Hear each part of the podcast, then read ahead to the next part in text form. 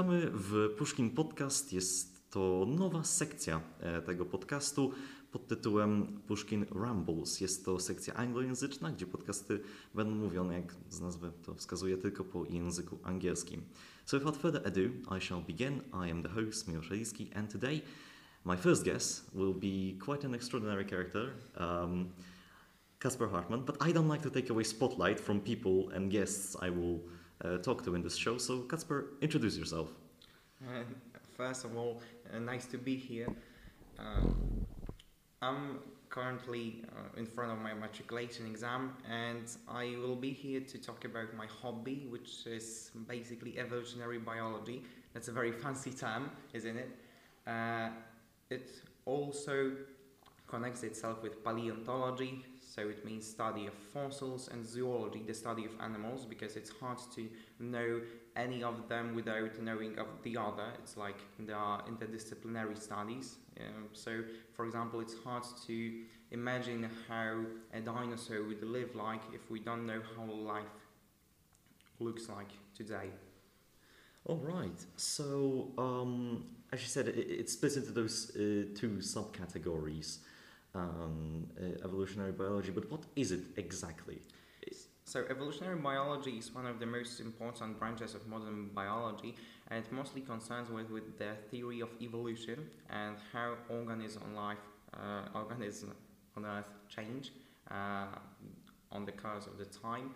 Uh, mainly uh, history of life on Earth itself, and thanks to it, we not only can understand how life how uh, life looked like, but also uh, how it looks like today, since many of the various structures, functions, or behaviors can be explained by it. So it's also it's not only a straightforward history where you speak only about dinosaurs. It has like its implications on extant life too.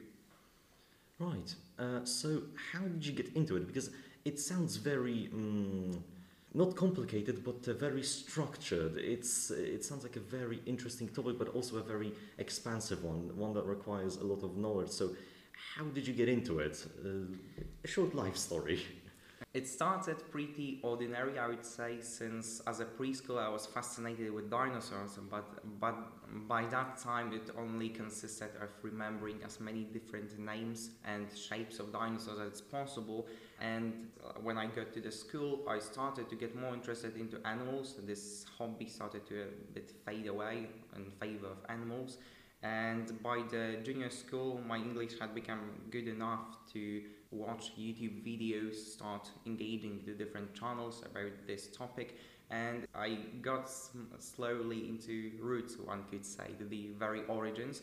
And when I got to the um, high school, I decided to start reading research papers, which are the like biggest and most important source of knowledge, most direct one. It would be an accurate time for it, and that's how it started and how it's currently going.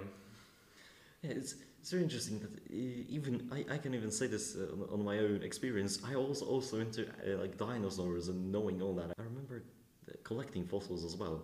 It's weird. It's really weird. Yes, uh, there is a funny anecdote uh, from Elsa Panciroli, which is a paleontologist. She often says that uh, many people come to her and say, "Hey, I know a five-year-old who would who would like to talk with you," but she says that no one says like, "Hey, I know a 45-year-old who want to talk with you." So it's mainly um, associated with children, but still it has a lot of to adult life too. And I would say that kids are even easier to work with since they learn easier and are more open-minded. Yeah, that, that, that would be the case. So uh, as you said, you got into it, you started to read research papers, which I mean, that is, um, it's not easy. The language is there is sophisticated, I have to say. I looked over a few. Uh, uh, yes, it's pretty complicated, but since uh, uh, when you get to the point that you can understand them, you get used to it. It's like the same base wordings, uh, the same structures, so you get used to it. So I couldn't, for example, read a scientific paper in physics because I would have no idea even in Polish what it means. But in English, I like get, got used uh, to various phrases in evolutionary biology. So it's a matter of like knowing the the subject. Yeah, what would be like the weirdest uh, term or phrase you um, you saw when when reading those papers? Because I know you can find some real oddities there. So what, what what's the one that would spark to your to your mind now? I would say that the strangest ones are usually names because currently there is a new trend in naming uh, fossil species. Uh, it mostly um, it's now not adding saurus to everything. Saurus means uh, lizard in Greek, but now they usually uh, use uh, native languages of the region where they stem from, and uh, this leads to very interesting but at the same time harder to uh, pronounce uh, names. For example, recently there was a very loud case about Dearc sgiathanach from Scotland, or from the weirder ones we have, for example, Kurupi Itaata from uh, Brazil, if I remember correctly, and the name comes from Love Hotel. So it's pretty controversial, but still, like you have Love Hotel in the name. Yeah, that's uh, th- th- this is this is the thing. So, um, do you use your knowledge uh, of evolutionary biology on a day-to-day basis? Is is it something that actually does come in handy? Aside from like reading scientific papers about one or two day per day, it depends on the time period because currently I have uh, about 12 on my hard drive, sometimes it's 20, uh, but currently I would say it's lax, pretty lax time for me. Uh, yes, I use it since I love animals, I love observing them, and for me it's hard to not to like marvel when I look at very ordinary animals, including pigeons or ravens or whatever or rooks that are very common in this area. Uh, so yes, I use it on a daily basis, and uh, people know me for being like an expert when something about dinosaurs or past life of or animals just is mentioned. Then the, all eyes are, are looking on me uh, to say to verify it. I don't like to be an expert because um, I haven't studied it and I could not call myself an expert, but still, it's pretty nice.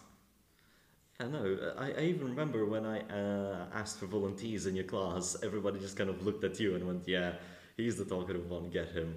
It's nice. That's that's kind of wholesome, I have to say. But yeah, speaking about pigeons, because an ordinary person probably sees, "Oh yeah, bird," but what do you see with with your this type of expertise? If we to Uh, firstly? I see a dinosaur in it, since all birds are dinosaurs, and uh, I believe that it's a fact that's not stressed enough in textbooks. Um, but the school education about evolutionary biology is completely different topic.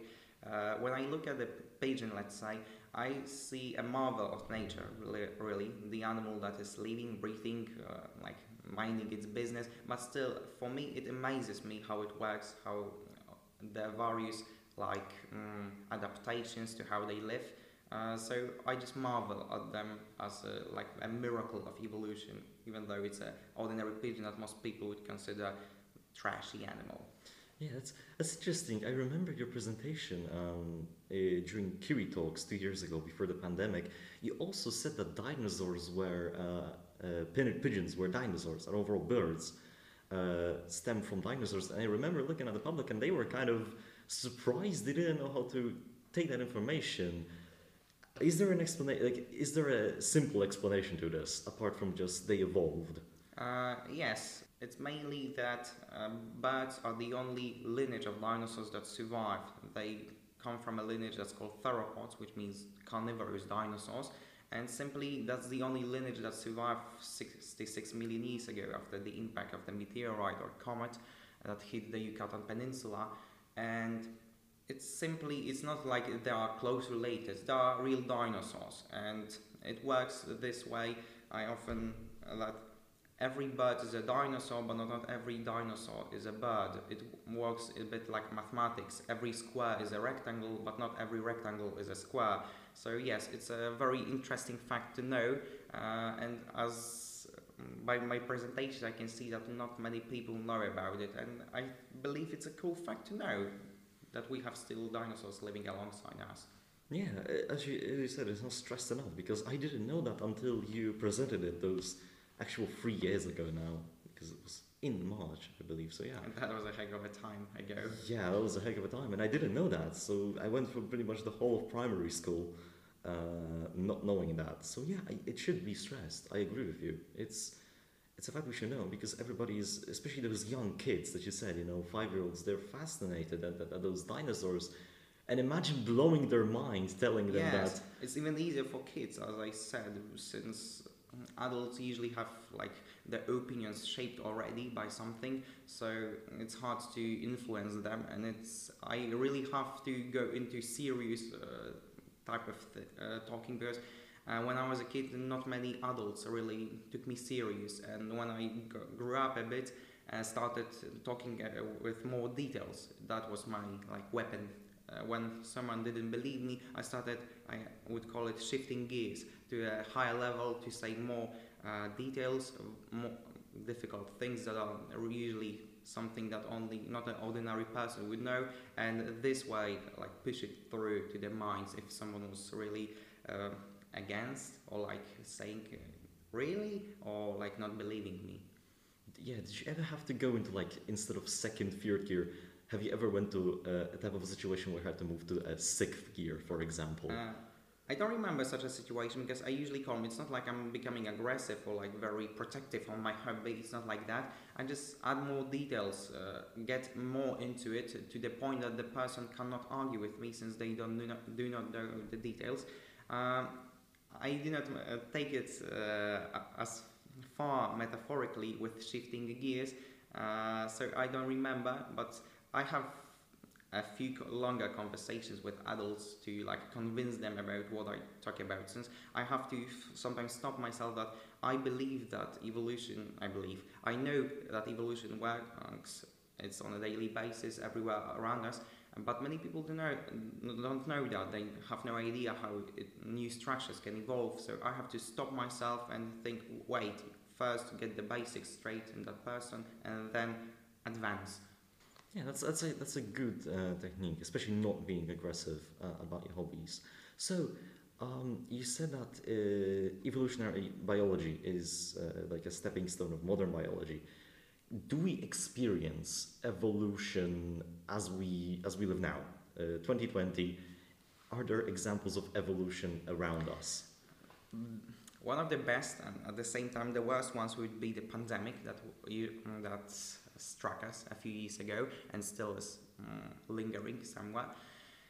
Thanks to evolutionary biology, we know that it would happen and how it will go. Not only in the type of virus, like for example, what types of stressors we can put on it, like for example, vaccines, people who got immune to it, etc.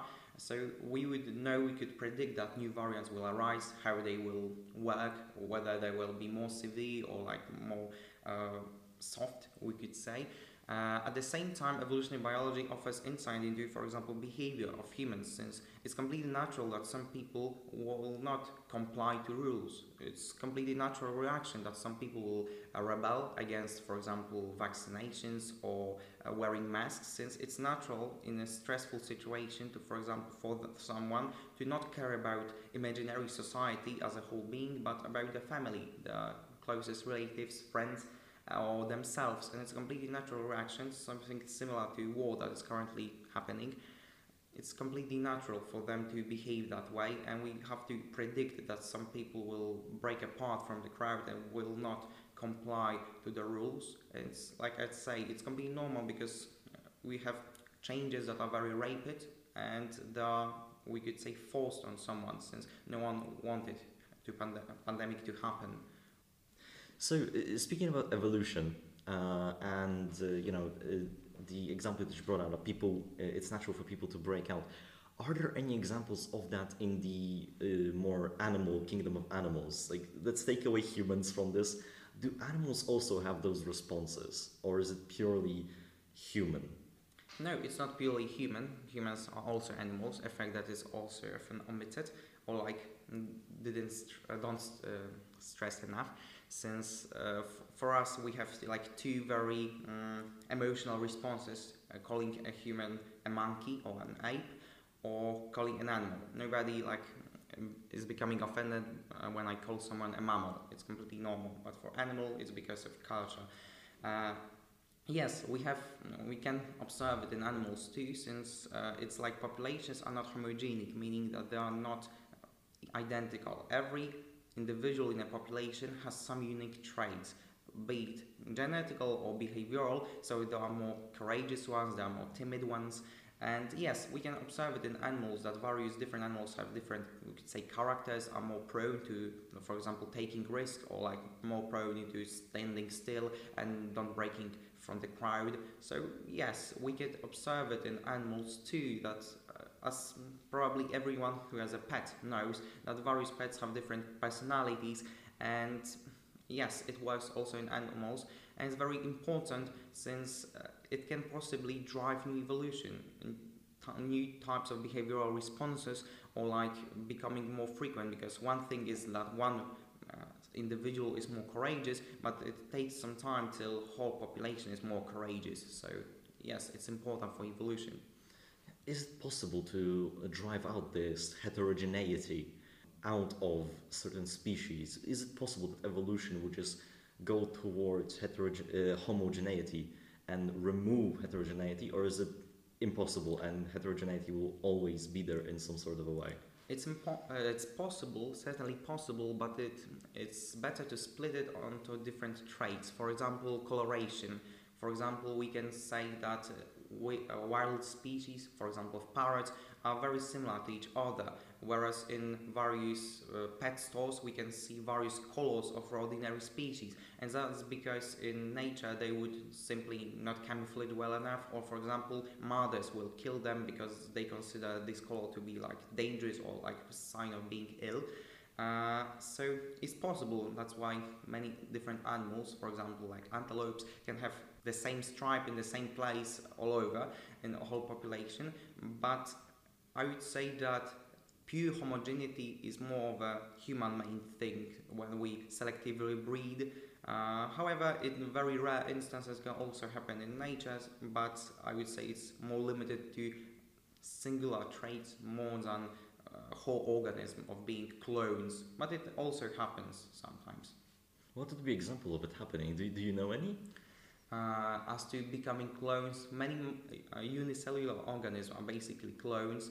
Uh, there are species that are very closely related to each other. For example, we could say that ant colonies or bee colonies are basically sisters and brothers to some degree, but still they evolved means to swap genes between different colonies. So it's not like they're perfectly identical. And aside from genetics, pure genetics, that for example every uh, bee is a sister of each other in a colony, uh, still there are various factors that can influence their behavior or like becoming a bit different. For example, having uh, buried antenna can change its behavior and it's like becoming different from the other. So it's hard to create perfect clones because it also depends on environment. Right, because there is the example of uh, Dolly, of course, uh, of being a clone, but I don't think it's. It, I don't think it was also a, perfect identical one. Uh, from genetic perspective, it's possible, but if we keep it in different environment, then it could possibly be a bit different from the like origin, from the original uh, sheep that it was made of. So um, again, uh, it's hard to we could say it uh, for example in various like plants it's easy to see that for example even though we have the same species in different uh, soil types one can grow bigger one can grow taller we can see uh, for example populations of koreans for example south koreans who have more like uh, nutrients in their diet due to the political and socio-economic factors grow taller than north koreans even though they are the same ethnic group. So uh, we can see that for example the content of nutrients is the important factor in how various people look like. Yeah, and also uh, the environment that they do grow up in, apart from like uh, social and uh, geopolitical systems, uh, we grew up differently. Uh, you grew up differently to me, despite us pretty much being kind of the same type of a person, right? Yes, it's uh, one geneticist once said that when you give a hand to a random person on the street in your city, there's about 30% chance that it's your cousin, but in the eighth or ninth generation. So, because when we look up in our geologic, um, genealogical trees, we can see that every one of us has two parents, have four, uh, or had four grandparents, uh, eight uh, grand grandparents and it goes like exponentially. But it's impossible because like it's impossible to have more people in the past than now. So it's easy to see that, for example, our ancestors were relatives of each other. And when for example my grand grandfather was uh, a brother of your grand grand grandmother then it's easy to see that our common ancestor was only a generation above Yeah, it's, it's always interesting, especially with the family tree, what you brought up. That uh, because I stumbled upon uh, a few papers uh, using that uh, that cousin theory, uh, so to speak, and it always intrigued me because it does make sense in a way. Like you presented it, you know, everyone has four grandparents, eight grand grand grandparents, and it goes further and further and further. So it's that issue that you presented because there couldn't have been more people because we have we now have more people so things wrap up simply. Yeah thing, things wrap up. It's it's interesting. It's complicated. All right that was a very interesting talk. Um, so do you have uh, any words to inspire people to either pursue your hobby or just pursue their own hobby in general? Because your hobby is complicated because there's a lot of knowledge, a lot of time and sacrifice, but it is a very interesting topic, and you got me a bit interested. uh, so, any words like that? Uh, to the general like hobbies, I would say don't be afraid to pursue them. It's possibly uh, the most important thing you will do in your life because it's uh, one of the things that you are not forced to do. So don't be afraid to pursue them. As to my hobby, I decided like I went for it mainly because I wanted to be the best in something and I couldn't be in sports or like general education so I said hey I'm not a very competitive competitive person and uh, I have basically no like rivals in it. I can quickly get the best and that's why I chose to specialize in evolutionary biology because simply I love it. And uh, I hope that I can interest some people. I uh, have some experience in like getting people uh, more into it. Usually, when they look at YouTube Facebook videos and see a strange animal behaving differently, I come in, sneak by, and say, "Hey, it's because that and that." And I have a few friends. Uh, I have made some friends this way uh, when they get interested in the general topics of animals, and I hope that I can be uh, a way for someone to pursue it too and to help them a bit because I had no one to teach me about it. Uh, and it's a neutral thing because at one side I had no marks, like I had no typical subject of it, so I could pursue it on my own how I wanted to. But at the other side, I had to learn dozens of things by myself, which was pretty hard and it's tedious work. And if I manage to like help someone to speed it up, then I'm very eager to help. Yeah, so everything has a minimum uh, miniature downside to it, you could say. Yeah. Yeah, but uh, yeah, thank you so much uh, for being here.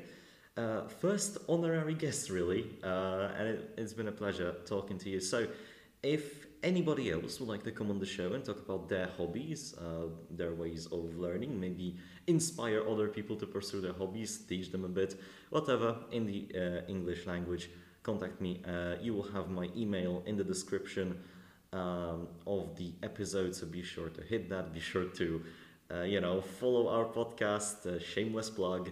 Um, yeah, and uh, hopefully we'll see ourselves on episode two. I don't know who I will invite yet, but uh, time will tell. Thank you so much, Thank you too. and uh, see you in the next one.